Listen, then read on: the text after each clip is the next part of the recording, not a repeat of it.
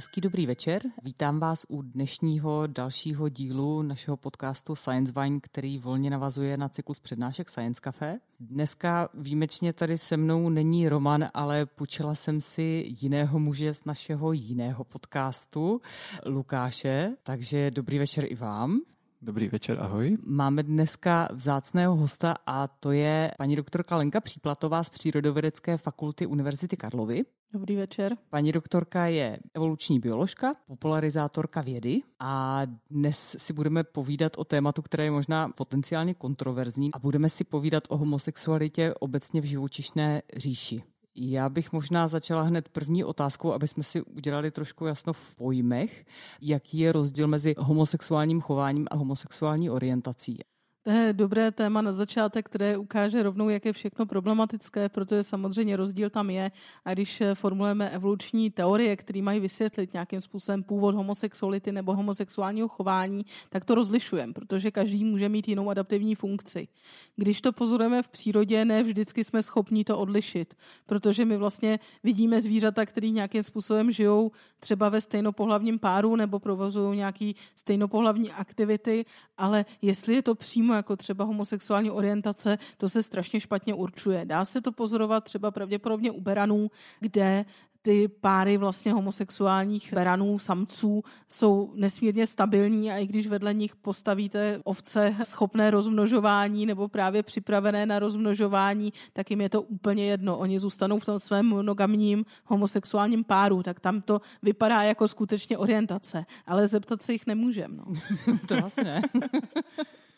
Já bych na to navázal. Dá se teda nějak určit ta hranice mezi sexuální orientací a sexuálním chováním? U člověka to určit můžeme, protože na to můžeme dělat výzkumy, můžeme to zkoumat a u člověka vidíme, že se skutečně u nás projevuje oboje. Že máme lidi, kteří mají skutečně jako buď homosexuální nebo heterosexuální orientaci a podle toho žijí vlastně celý život a někteří, byť jsou heterosexuální orientace, třeba vždycky za dobrých podmínek budou preferovat ženu partnerku, tak ale za velmi nestandardních podmínek, třeba ve vězení, si najdou občas homosexuálního partnera nebo teda mužského partnera, protože prostě nic jiného nemají.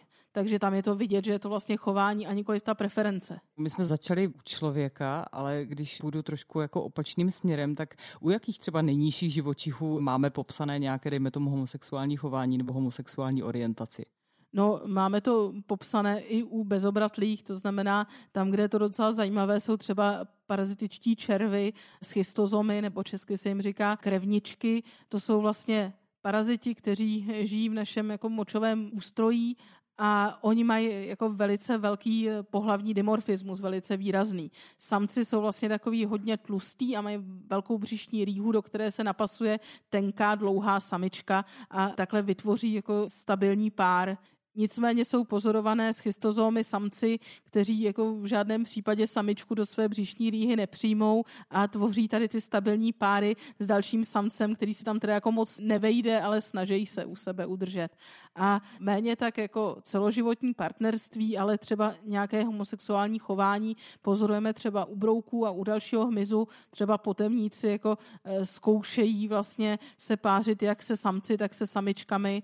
Zřejmě je to daný tím, že by jim víc jako času zabíralo nějaký rozlišování, kdo je kdo, takže to prostě vyzkouší, že to není jako tak a mám prostě tuhle orientaci, ale je to tak, že to nerozlišují. Ale nicméně i tohle se dá vlastně považovat za nějakou formu jako homosexuální chování, nikoli v té orientace. Tady je to asi dost dobře vidět, že je to to chování skutečně. Vy jste vlastně v rámci přednášky zmiňovala právě ty potemníky a zmiňovala jste konkrétní výzkum. Mohla byste prosím o něm říct něco víc trošku v tom smyslu, že hraje roli i prostředí právě v tom, kolik samečků nebo kolik samiček se nachází vlastně mezi nimi tak jaký vliv to teda má na to, jak se oni potom chovají v rámci té sexuality svojí? Byl výzkum před několika lety udělaný právě na skupinách potemníků a byla hypotéza, že nemusí určovat, kdo je samec a kdo je samička, že se nějakým způsobem většinou vyplatí, ale že v určitém prostředí, kde bude třeba velký nedostatek samiček, takže by najednou mohli jako projevit tu schopnost rozlišovat a skutečně jako více snažit pářit se samičkami, aby jim je nevyfoukl nějaký jiný potemník. Takže se to vyzkoušelo, vzali se mladí potemníci, dali se do dvou různých skupin. Někteří byli ve skupině, ve které jako značně převládalo pohlaví mužské a ve druhé skupině převládalo pohlaví ženské. Tam, kde bylo hodně samiček, tam samozřejmě dávalo smysl to prostě zkusit s každým potemníkem, který ho zkoumaní jedinci potkali, protože byla velká šance, že se skutečně trefí do té samičky. V tom druhém prostředí, kde těch samiček bylo málo, tak samozřejmě stálo za to si neplýtvat svůj čas pokoušením se o páření jako s dalším samcem, ale dávalo smysl rozlišit ty samičky a jít přednostně k ním. Takto vychovávání vlastně potemníci se posléze přemístili do prostředí, kde byl rovnoměrný počet samců a samiček a sledovalo se, jak moc se budou lišit vlastně v těch svých pokusech o páření, jestli budou skutečně chodit přednostně ty samci z těch podmínek toho nedostatku samiček na ty samičky a skutečně se to ukázalo výrazně víc. Se snažili pářit přímo se samičkami, kdežto těm z druhého prostředí to bylo úplně jedno. To, co říkáte, jako samozřejmě hrozně svádí k tomu, snažit se tuhle věc přenést z té hmyzí říše na člověka. Jak moc se vlastně tohle dá dělat a jak moc je to vlastně problematické pro toho vědce? On potom musí nepochybně jako čelit různým snahám přenést nějakou teorii, která funguje, dejme tomu, jako u bezobratlých na lidskou populaci a možná se právě potom jako dostává do obrovské kontroverze musíme si dávat strašný pozor na to, jak tady ty výzkumy interpretujeme. Samozřejmě je strašně zajímavé zkoumat homosexualitu v říši zvířat a zkoušet ji evolučně vysvětlovat jako adaptaci i vlastně u lidí, ale musíme si dát vždycky strašný pozor na to, aby vlastně to, na co přijdeme, nebylo nějakým způsobem zneužíváno. Ono je potom strašně snadný tvrdit, že homosexuálové jsou vlastně jako potemníci, nebo že to je vlastně zvířecí chování a nikoli to lidské. Naopak, když to v té zvířecí říši nenajdeme, tak budeme říkat, no ale to je nepřirozený, takže je to špatně. Když zase jako naopak řekneme, že je to přirozené, tak někdo přijde a řekne, no ale přirozená je infanticída, tak přece nebudeme zabíjet děti jako ty zvířata. My to neskoumáme v biologii kvůli tomu, abychom tím určovali lidská práva. Lidská práva jsou lidským bytostem vlastní celá bez ohledu na to, co najdeme v přírodě a nemělo by to na to být jako přenášeno.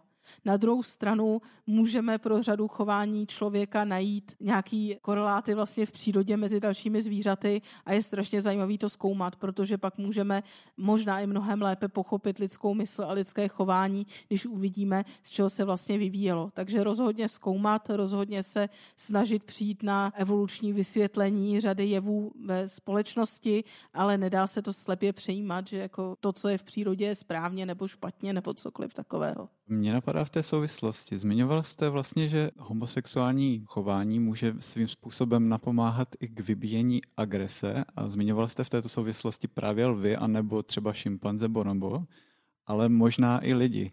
Jakém smyslu vlastně tohle může být výhodou, to vybíjení agrese ve vztahu k homosexualitě, nebo opačně teda homosexualita napomáhá k vybíjení agrese, když to řeknu úplně zjednodušeně. Homosexualita nebo homosexuální chování spíš v tomhle případě. Ono vlastně jde o to, že ve společnosti zvířat dost často je potřeba udlužovat nějakou kooperaci a nějaké jako neagresivní vztahy. A zrovna ta sexualita, to sexuální chování může velice dobře pomáhat na to, aby se dva organismy navzájem nepobily, ale nějakým způsobem se tolerovali, spolupracovali a byli na sebe hodní. A vlastně tohle se hodně často živočišní říši vyskytuje a vyskytuje se to právě bez ohledu na pohlaví. Že třeba u těch bonobů právě to navazování těch sexuálních partnerství nebo nějakým způsobem vytváření vztahů může být i homosexuální, i heterosexuální. U lidí se zdá, že homosexualita může mít velký vliv na kooperaci a je dokonce jedna z hypotéz, jak se mohlo vlastně homosexuální chování stát adaptivním. A to je hypotéza vlastně stejnopohlavních aliancí ta vlastně říká, že někdy v minulosti v naší historii bývaly doby, kdy vlastně třeba adolescentní potomci neměli příliš velký slovo v klupě, protože tam byl nějaký vedení, který už to mělo jako vybojovaný, vysloužený a oni se cítili jako marginalizovaní a vlastně se s nima nezacházelo moc dobře a bylo potřeba, aby si vydobili svoje místo na slunci. A každý sám za sebe, to by bylo strašně problematický. Takže oni vlastně možná vytvářeli právě tady ty aliance, třeba mladých mužů, a ten homosexuální styk, to chování v té době mohlo být jeden ze způsobů, kterým utůžili vlastně tady tu kooperaci. Napadne vás ještě další evoluční výhoda, kterou homosexualita třeba přináší, dejme tomu jako nějakým jiným živočišným druhům, nebo nějaká jiná teorie o tom, v čem by vlastně jako mohla být ta orientace nebo chování evolučně výhodné? Evoluční vlastně teorie vzniku homosexuality jako počítají s tím, že je to do velké míry evoluční adaptace, že je to něco, co přináší nějakou výhodu. Je velká otázka, jestli tu výhodu spatřeme přímo v tom samotném homosexuálním chování nebo homosexuální orientaci. A nebo jestli ta výhoda se nalézá někde bokem a ta homosexualita je vlastně jakoby side effect nějakého jiného genu nebo nějakého jiného projevu, který je vlastně s tím spojen. Těch teorií je v současnosti několik, dvě se zabývají právě samotnou adaptivností homosexuality, dvě se zabývají adaptivností homosexuálních genů nebo homosexuálních vlastností pro jiné jedince, kteří nejsou sami nositeli vlastně toho projevu té homosexuality. A zdá se, že jako pro všechny z nich nacházíme nějakou omezenou evidenci, nic není jako prokázaný definitivně, ale možná se vlastně na tom vývoji té evoluce mohly podílet všechny. Ty, co se týkají přímo homosexuality jako adaptace, tam se díváme na kin selection, nebo tedy na vlastně výběr příbuzenský, kdy homosexualita mohla být velice výhodná třeba pro sourozence homosexuálů, protože homosexuálové podle této teorie mohli přispívat vlastně na vývoj potomků svých sourozenců, samozřejmě víc než heterosexuálové, kteří se starali o své vlastní sourozence. A tady vlastně máme evidenci ani ne tak z naší společnosti, protože ono to vypadá snadno, že se prostě poptáme, jak moc přispívají homosexuálové na blaho svých jako neteří a synovců. Bohužel v naší společnosti dost často jsou homosexuálové ještě pořád odmítaní a samozřejmě pokud neudržují kontakty s rodinou, tak dost těžko budou přispívat právě na své jako příbuzné. Ale třeba ve výzkumech domorodých společností na Samoji nebo na Jávě se ukázalo, že skutečně jako homosexuálové více než heterosexuálové přispívají na výchovu a vlastně zdraví těch potomků svých sourozenců. Další jako možnost, jak může být homosexualita výhodná, je nikoli pro sourozence, ale pro rodiče podle Triversovy hypotézy je možné, že si maminky nějakým způsobem samozřejmě nevědomě, není to tak, že by se rozhodly, že budou mít homosexuálního potomka, ale jejich imunitní systém, dejme tomu, je nastaven tak, že některý z potomků bude vlastně homosexuál a že bude pomáhat vychovávat vlastně další potomky dané maminky. U této teorie je trošku problematické to, že pro ní nemáme příliš mnoho dokladů, respektive maminky homosexuálních synů už potom nemají až tolik jako mladších sourozenců. Tady je adaptivní skutečně ta homosexualita, protože ti nositelé té vlastnosti homosexuality, jejich vlastní geny se taky dobře šíří, protože vlastně pomáhají těm svým sourozencům nebo těm svým rodičům a ty geny se šíří v těch dalších pokoleních. Ale jak to může být výhodné, jako pokud to pro ty samotné homosexuály a jejich vlastní geny jako až tak výhodné není, to je třeba u vlastně hypotézy silných heterozygotů, kdy je možné, že vlastně pokud heterosexuální nositel nějakého genu pro homosexualitu nebo nějaké části genů pro homosexualitu má tady ty geny, ale u něj samotného se homosexualita neprojeví, takže bude nějakým způsobem zvýhodněn oproti vlastně heterosexuálům, kteří tady ty geny vůbec žádné nemají. Spekuluje se o tom, že by třeba genů, které se spolu podílejí na vzniku homosexuality, mohlo být více, třeba pět, a že nositelé vlastně všech pěti genů, ještě v souvislosti třeba s vlivem prostředí, by měli velkou pravděpodobnost být homosexuální, ale ti, kteří by měli třeba ty geny jenom tři, tak by byli heterosexuální a byli zvýhodněni některými jako vlivy tady těch genů. Třeba větší feminitou a tím, že vlastně budou jako hodnější, víc budou spolupracovat a ženy si je víc jako zvolí jako otce svých potomků, protože se o ně budou třeba lépe pečovat tu poslední teorii, která se týká toho, že by vlastně pozitivní vliv těch genů pro homosexualitu mohl dopadat eh, nikoli v tentokrát na muže, ale na ženy. A tam už nějaké doklady máme. Ukazuje se, že vlastně ženské příbuzné homosexuálů a ještě jako mnohem víc homosexuálů, kteří mají trošku víc ty feminní rysy, tak jsou plodnější že mají větší počet potomků a že se to zřejmě dědí po mateřské linii. Takže je možné, že vlastně ta homosexualita nepomáhá tomu samotnému jako třeba muži, ale že dělá nějakým způsobem ještě víc jako atraktivní nebo plodnou vlastně jeho ženskou příbuznou. A že se to dědí kvůli tomu a vlastně pro toho samotného muže to není nijak výhodné. Dokonce dělali se matematické modely toho, jak by mohl fungovat nějaký takový gen a zkoušelo se, jako kde by musel být uložený třeba na chromozomech, aby do nějaký míry snižoval třeba mužskou plodnost a naopak jako zvyšoval plodnost u ženských nositelek, což je vlastně takový hezký model tady toho systému, kdy ten muž je třeba s větší pravděpodobností homosexuál. A ukázalo se, že by pravděpodobně byly geny umístěny na chromozomu X, a skutečně jako pokud máme nějaké představy o tom, kde by se mohly nacházet geny pro homosexualitu, respektive nějaké se našly, že by mohly být společné jako homosexuálům v nějaký větší míře, tak ty se našly skutečně na chromozomu X. To by do určité míry jako dokládalo vlastně tady tu teorii, ale samozřejmě zatím dost slabě, tak ještě budeme muset pátrat. Teď u toho napadá, že je to vlastně obrovská spousta nějakých teorií, které jsou asi jako v současné době obtížně zjistitelné. Myslíte si, že v nějaké dohledné době přijde fakt nějaký průlom tady v tomhle poznání a budeme mít třeba víc jasno o tom, jak je to s dědičností homosexuality, jestli jako v horizontu nějakých jako 50 nebo 100 let už budeme v tom poznání jako mnohem dál, než jsme teď, nebo vlastně budeme mít jenom dalších, kromě tady těch čtyř teorií, ještě třeba dalších 20 a nebudeme vědět pořád skoro nic. Takhle já si myslím, že za 50 let už to budeme vědět mnohem víc, ale nerada bych byla jako proroci s jadernou fúzí, kteří už také 50 let říkají, že za 50 let už budeme vědět víc.